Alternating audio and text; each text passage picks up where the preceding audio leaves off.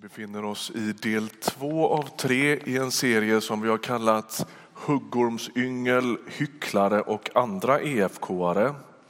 Och idag känner jag ett visst behov av att inkludera missioner och pingstvänner också. Vi är inklusiva på det sättet här. Ni får också vara med. Och poängen med den här serien är att vi skulle försöka reda ut vad det är som gör att Jesus är så tuff med fariseerna. Ni vet att han är mild och varsam med nästan alla sorters människor. Utom när det kommer till fariseerna. När man läser de texterna så är de otroligt skarpa. Otroligt skarpa. Och planen är på något sätt att försöka reda ut vad en farisé är och vad fariseismens innersta väsen är. Därför att det är ju dåtidens EFK-are, missionare och pingstvänner som korsfäster Jesus. Så är det. Och därför behöver vi försöka få fatt på vad det är de representerar så att vi inte råkar bli sådana själva. Vi kommer till det. Nu har ju Jesus i egen hög person läst den här liknelsen kan man säga. Men om du skulle vilja hänga med i din bibel så finns den i Lukas 18 kapitel från vers 9. Så du kan vara med därifrån om du vill. Den här liknelsen den är ju en tillrättavisning till den här farisén som vi såg här. Och den, det står i texten att Jesus vänder sig till dem som litar på sig själva och ser ner på andra när han berättar den här berättelsen. Och det är ju ganska tydligt att det är precis det som liksom stoltheten och den religiösa distansen åstadkommer. Man börjar lita på sig själv och man börjar se ner på andra. Det är liksom grejen. Förra veckan så var vi inne på att farisismen, när Jesus prickar farisismen så talar han om hyckleriet som den surdeg som liksom äter sig in i religiositeten och gör oss till fariseer. Och idag ska vi fundera lite över dömandet. De här personerna i den här berättelsen, de finns på varsin sida i den, på den sociala skalan. Farisén, han är respekterad av samhället. Han finns i de absolut finaste kretsarna. Han har religiöst inflytande, han har politiskt inflytande och alla vet att han tar sin tro på allvar. Eh, tullindrivaren å andra sidan, han hör till de mest föraktade yrkesgrupperna i hela samhället. Jag brukar, ni har hört mig säga, ni som brukar gå hit ibland, att, att, att man skulle kunna jämföra den här tullindrivaren med, alltså han är ju jude, men han arbetar för den ockuperande romerska makten. Ungefär som en norrman under andra världskriget som förråder sitt land och arbetar för den, för den ockuperande tyska makten. Det är lite den smaken runt tullindrivaren. Och så får vi liksom en liten inblick i deras böneliv i den här liknelsen. Och de ber ju också väldigt olika de här två. Hur ber farisén? Först ser det ut som att han innerligt tackar Gud och att det finns ganska mycket gott i det där bönelivet. Men det är något konstigt med farisens bön. Den är liksom förvriden på något sätt. Det är inget fel med att tacka Gud för att man inte liksom har fallit i alla de där grejerna som farisén räknar upp. Det är inte det som är problemet.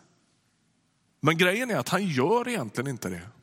Om man läser den här texten lite noga så inser man att det ord som återkommer oftast, det är ordet jag. Jag tackar dig för att jag inte har och att jag inte gör och att jag inte är. Så. Det återkommer flera gånger. Det är som att han presenterar sig som Guds största tillgång och Gud skulle helt enkelt inte klara sig utan den där farisén. Egentligen så är farisens största tacksägelseämne han själv. Så är det. Jag tackar dig Gud för att jag inte gör det. Jag tackar dig Gud för att jag ger tionde av dill och mynta och så vidare. Då. Hans stora tacksägelseämne är han själv och vad han har gjort. Någon bibelkommentator skrev, Gud kanske skulle ansöka om att få bli den här mannens assistent. Alltså i hans värld så är han i centrum. Så är det. Han fastar mer än vad som krävs. Det krävs i den judiska lagen att man ska fasta en dag om året. Han fastar två dagar i veckan. Han ger tionde på precis allt. Vi var inne på det förra söndagen, hur det är att egentligen ge tionde på kryddor. Alltså, tänk dig in i det. Jag stod igår med en näve timjan i handen och tänker, tionde på det här liksom. Man får bli lite petig och noga om man ska räkna, eller hur? Och det gör han. Han ger tionde på vad han har tagit emot, men det står att han också ger tionde på det han har köpt. Han går extremt långt i att försöka lyda lagar och regler och religiösa. Liksom. Så va? Gud behöver egentligen inte göra någonting för honom, för han har redan gjort allt själv. En gammal väckelsepredikant som eh, levde för över hundra år sedan, som heter Emil Gustafsson. Han säger så här, han uttrycker sig ofta väldigt kärnfullt. Han säger, den som har mycket att säga om sig själv har ännu inte sett Gud. Det är ganska bra sagt. Den som har mycket att säga om sig själv har ännu inte sett Gud. Tullindrivaren å andra sidan, han är farisens motsats. Fariséerna står längst fram och han talar obehindrat med Gud och liksom har inga skrupler över det eller inga, inga tveksamheter inför det. Eh, tullindrivaren å andra sidan, han står längst bak. Han slår sig för bröstet, vilket ju i vår tid handlar om att vara stöddig, men i den tid när det här skrivs handlar det om motsatsen, ett sorts uttryck för sorg och bedrövelse, förkrosselse så inser han någonstans att han närmar sig en helig Gud. Stor Gud. Oefterhärmlig Gud. Och så blir han så varse att han liksom inte har vad som krävs. Han kommer överväldigad av blygsel. Han håller sig på avstånd och han vågar inte lyfta blicken. Den här tullindrivaren, han vet att han är en syndare. Det har han koll på. Farisén däremot, han är lika övertygad men om sin egen förträfflighet. Tack Gud för mig. Kontrast, kontrasten är ju extrem på något sätt. Va? Och det är typiskt Jesus att måla upp bilder på det här sättet. Han är så skicklig i sin pedagogik och i sin retorik och han målar de här ytterligheterna på något sätt för att vi ska fatta poängen. Tullindrivaren ber om hjälp och han ber om nåd. Han önskar komma till rätta med sin situation. Och han inser någonstans att hans enda chans att få tillträde till Gud, det är att Gud är nådefull. Det finns inget annat sätt att komma än genom att Gud visar barmhärtighet. Sånt kan man liksom inte förtjäna. Det kan man bara få som gåva. Och det verkar tullindrivaren ha koll på. Lyssna på en bön från gamla testamentet. Den här är från Daniels bok. Så här ber man i Daniels boks nionde kapitel. Min Gud, vänd ditt öra hit och hör. Öppna dina ögon och se förödelsen som drabbat oss och den stad över vilket ditt namn har utropats. Vi litar inte till vår egen rättfärdighet när vi kommer inför dig med våra böner, utan till din stora barmhärtighet. Herre, hör. Herre, förlåt. Herre, lyssna och grip in. För din egen skull, min Gud, dröj inte. Okej, okay. nu har vi målat, eller Jesus har hjälpt oss att måla två ytterligheter. Farisén som är full av sig själv och som är stöddig och som liksom inte behöver något och som inte ber om något. Han bara tackar för sin egen förträfflighet. Och så har vi skatteindrivaren, tullindrivaren, publikanen som det stod för i, i gamla texten. Som, som sörjer över sitt liv och som skäms över sitt liv och som ber Gud om barmhärtighet. Och då måste man förstå när det, här, när det här berättas, att det här är skrivet eller berättat av Jesus i en hederskultur. Där man, där man hedrar farisén och väldigt tydligt föraktar tullindrivaren. Och Jesus han gör som han gör så ofta, han vänder på hela steken på något sätt. Och då blir frågan, nu börjar det bli lite närgånget då, så håll i dig nu. hur blir man en farisé? Vad är det för krafter som sakta förvandlar en bedjande from människa från mjukhet till hårdhet? Från ett liv genomlyst av Guds kärlek till ett liv marinerat i dömande och uppblåsthet. Hur ser den förflyttningen ut? Därför att vi kommer ihåg, ni som var med förra veckan, att vi sa att fariseerna var ju på många sätt ganska lika oss som sitter här inne. Om du är aktiv i en frikyrka, då skulle du ha jättemycket gemensamt med fariseerna. De tror på Bibeln som Guds ord. De tror att Gud talar och att Gud vill röra vid våra liv och att han vill verka. De tror på en osynlig andlig verklighet. De tror på både ondskan och det goda. De tror på att Gud kan göra under och tecken. De, skriver under på, de skulle skriva under, I EFK har vi något som kallas för EFKs tro och självförståelsedokument.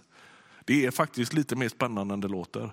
Det är en fantastisk text på många sätt. Jag, kan, jag, jag skulle nästan säga att fariséerna skulle skriva under på det mesta som står i den texten. Är ni med? Och då är frågan, vad är det som inte har med det där yttre, frågan om liksom, liberal och konservativ och alla de där gamla ganska tröttsamma eh, positioneringarna att göra, som ligger under den ytan och som börjar liksom skapa förhårdningar i våra hjärtan så att den fromme bedjande frikyrkomedlemmen börjar bli som en farisé. Kanske, jag testar en tanke på er, kanske har det med spänningen att göra. Å ena sidan lever farisén och du och jag med en idé om en ganska hög väg att gå som en troende människa. Att ta sin tro på allvar. Att formas till en lärjunge. Att vara noga med livet, att vara konsekvent och trovärdig. Att, att det jag säger och det jag gör ska hänga ihop. Vi har en idé om vad som är rätt och vad som är fel. Och det är inte det som är problemet. Vi ska inte förstå den här texten som att Jesus raljerar över den som är noga med tron. Det är inte hans poäng. Men i ivern att göra rätt och med de där höga idealen liksom, för ögonen och i dess kölvatten så finns risken att man blir full av sig själv. Att man blir mer upptagen och fascinerad av reglerna än av Gud. Att man, att man söker det fullkomliga livet snarare än att söka den fullkomlige guden. Är du med på skillnaden på det? Att söka det fullkomliga livet, det skulle vilken självhjälpskurs som helst i Sverige skriva under på att det är viktigt. Men det är en himmelsvid skillnad att söka den fullkomlige guden. Tänk dig ett, en relation, ett äktenskap som har gått i stå. Allt finns på plats. Det finns en fin trädgård. Det finns en snygg tvättad bil. Det finns ett renoverat hus, inget är fel. Det finns vältränade vuxna och välartade barn. Goda måltider, härliga semestrar, men det saknas någon sorts innerlighet, det saknas passion. Det finns inget som glöder. Det finns ingen värme, det finns inget som lever. Det är rätlinjigt, det är perfekt och det är dött. Det är blodfattigt. Och tänker, det är det här någonstans som är farisens problem. Problemet är inte att, att linjerna är räta eller krokiga. Problemet är att det är så blodfattigt. Och när de möter Jesus så förstår de inte vem han är, därför att de läser bara regelboken. Det har gått något förlorat på något sätt. Och kom ihåg nu, lyssna nu. Det är inte Gud som stänger för farisén. Det är farisén som stänger för Gud. Gud stänger inte för någon. Det är inte i Guds hjärta någonting har förändrats. Det är i farisens hjärta som något har förändrats. Där jag var pastor förut så eh, lärde jag känna en, jag kan berätta detta därför att, därför att vi känner varandra och vi har pratat öppet om det här. En god vän till mig som heter Jimmy. Jimmy han var, eh, hade ett brokigt förflutet kan man lugnt säga. Han har suttit nästan 30 år i fängelse. Hela sitt vuxna liv nästan. Eh, hör till Sveriges absolut tyngsta kriminella sammanhang. Um, ja, det, det, är våld, det är förnedring, det är droger, det är allt du kan tänka dig har liksom fört, följt på det. Stor kille. Tatuerad överallt, ser ut som en buse. Ni förstår. Och samtidigt så hände det något med Jimmy. När han var 50 år gammal så satt han och summerade sina 50 första år i en cell och tänkte, vad blir det av mitt liv? Till saken hör att han i 14-årsåldern hade varit 14 dagar på ungdomens bibelskola på Götabro utanför Torp, vid Torpområdet, frizon. 1960-talet han har varit på, på, på ungdomens bibelskola 10, 14 dagar. Och när han sitter i sin cell och sammanfattar vad, vad, hur livet blev och tänker, finns det någonting som jag kan vara oförställt glad och tacksam för? Så är det enda han kommer på 14 dagar på ungdomens bibelskola 1961 eller vad det var. Och så böjer Jimmy sina knän i cellen och så tar han emot Jesus. Med tatueringar och alltihop. Är du med? Och så börjar vägen tillbaka för Jimmy. Och så småningom kommer han tillbaka till Göteborg och börjar jobba där, får ansvar där.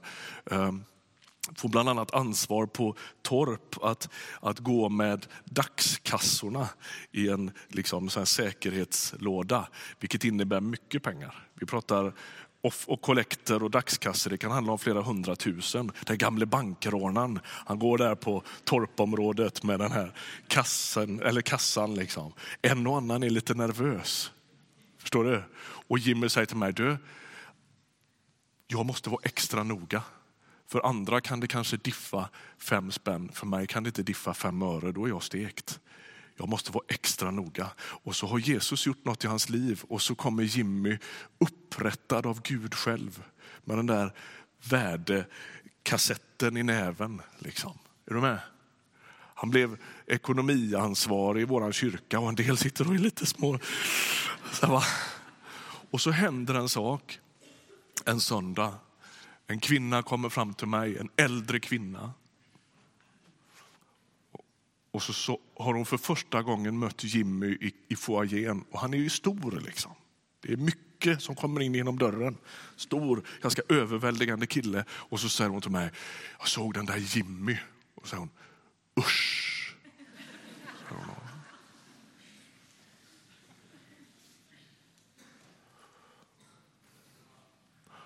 Och så sa jag till henne, du, när du tar med dig en vän till kyrkan, då hoppas jag att ingen säger usch. Jag vill aldrig höra dig säga så igen. Vad är det som händer med en from, bedjande människa när det där börjar gro? Liksom? Var det inte det vi hade bett om? Va? Farisén ser aldrig på tullindrivaren och tänker, det där kunde lika gärna varit jag. Den tanken finns överhuvudtaget inte hos farisén. Det där, med lite andra förutsättningar i livet eller med lite andra kassaval i livet, så skulle det kunna varit jag som satt där. Den tanken, den är helt bort, bakom, den finns inte ens på radarn för farisén. Han har ingen kontakt med den verkligheten i sitt liv. Han har aldrig på fullaste allvar sett sig i spegeln och tänkt att han är någon sorts både och för jag tänker att det är det som är vår verklighet att navigera i. Vi är bedjare, flitiga gudstjänstbesökare, bibeltroende som ber för sjuka, står för sin tro. Och samtidigt är vi bärare av ett mörker som riskerar, riskerar att driva oss bort från Gud. Eller hur? Är det inte så om vi ska vara ärliga? Vi är bärare av både och. Farisén, han har ingen koll på det. Han har aldrig sett sig i den spegeln.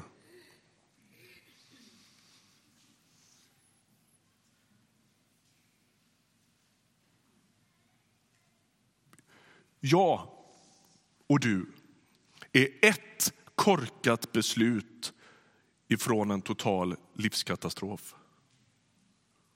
Är du med på det?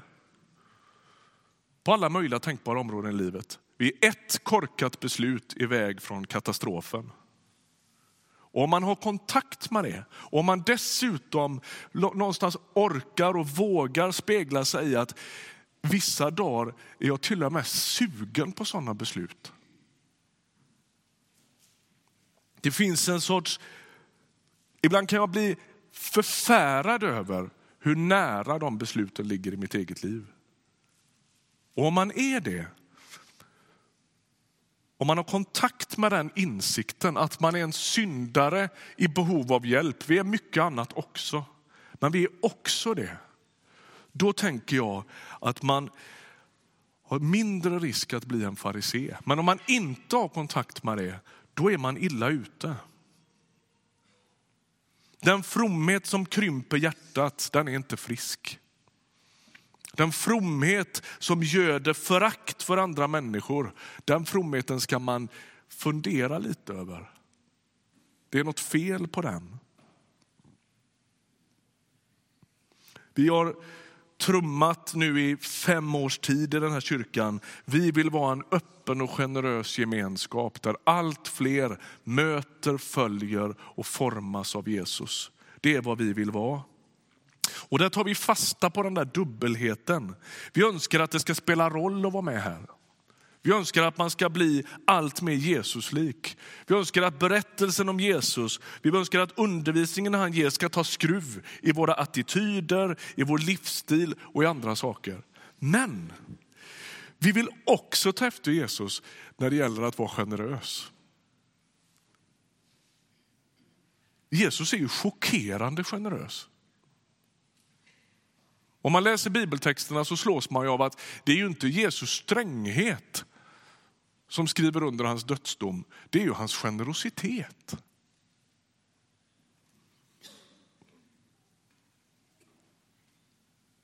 Är ni med då på att man behöver inte välja, man kan inte välja. Man måste leva med den spänningen. Ha de höga ideal som bibeltexten liksom bjuder in oss i, de vill vi brottas med. Vi vill bli som Jesus. Vi vill formas efter, hans sons, efter Guds sons bild som det står i Romarbrevet 8. Vi vill att det ska skava. Jag har bett till Gud inför den här gudstjänsten och inför den här predikan att det ska skava lite idag. När våra barn var små hade de ett kristet barnband ifrån Löttorp. Inget fel på Löttorp, men just den här. Då finns det en litet, liten sektion i det där när, när barnmötesfarbrorn säger, det är så härligt med Jesus för när han talar mår man alltid bra. Och varje gång jag hör det här tänker jag, mm. ja, är det verkligen sant? Han skaver ju, han tränger ju, han klär av, han speglar oss i våra egna, liksom, vad vi behöver hjälp med.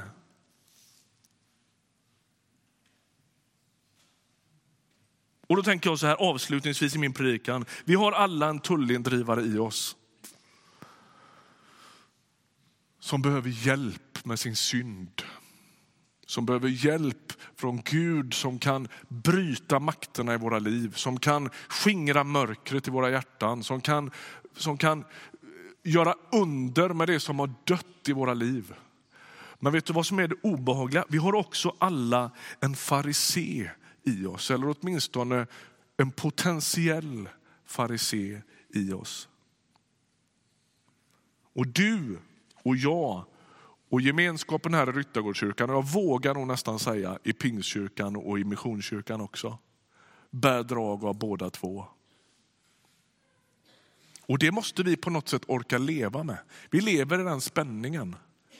När du går hem härifrån en söndag och tänker det är bara skit med Ryttargårdskyrkan uppblåsta, självcentrerade, dömande människor så må det vara hänt att du har rätt. Men det är inte hela sanningen. Utan vi lever i den där spänningen. Det är trasigt, det är brustet, ibland är det dömande, ibland är det hycklande. Men det är också en längtan efter att följa Jesus och ta det på allvar. Och du är välkommen in i den där dubbelheten, därför att du har den också i ditt eget liv. Och då tänker jag så här, det går att vårda det mjuka hjärtat och det går att vrida, liksom krama farisismen ur sitt hjärta. Hur gör man det? Jag tror att man gör det genom att först påminna sig själv om vem man är. Du är djupast en förlåten människa. Vi kommer tomhänta till Gud och han tar emot oss av barmhärtighet.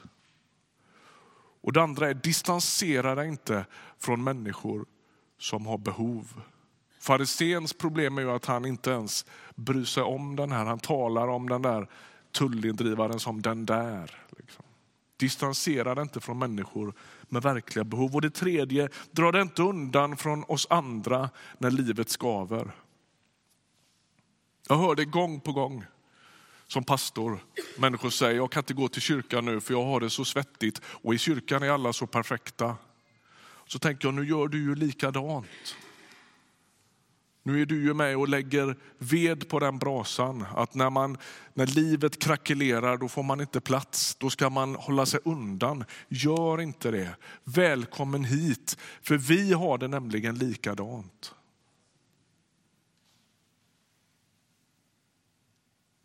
Hur undgår man att bli en dömande människa? Man speglar sig i Guds barmhärtighet och i Guds nåd.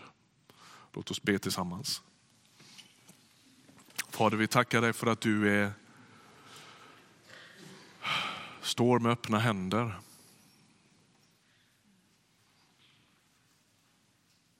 Tack att också farisén skulle få nåd om han vände sig till dig och bad om hjälp. Och herre, vi ber dig om att du ska möta vår, våra liv. Vi ber att du ska vaka på våra hjärtan och vi ber att vi skulle få leva i närkontakt med det faktum att vi är bärare av både ljus och mörker och att du har mött oss mitt i den dubbelheten.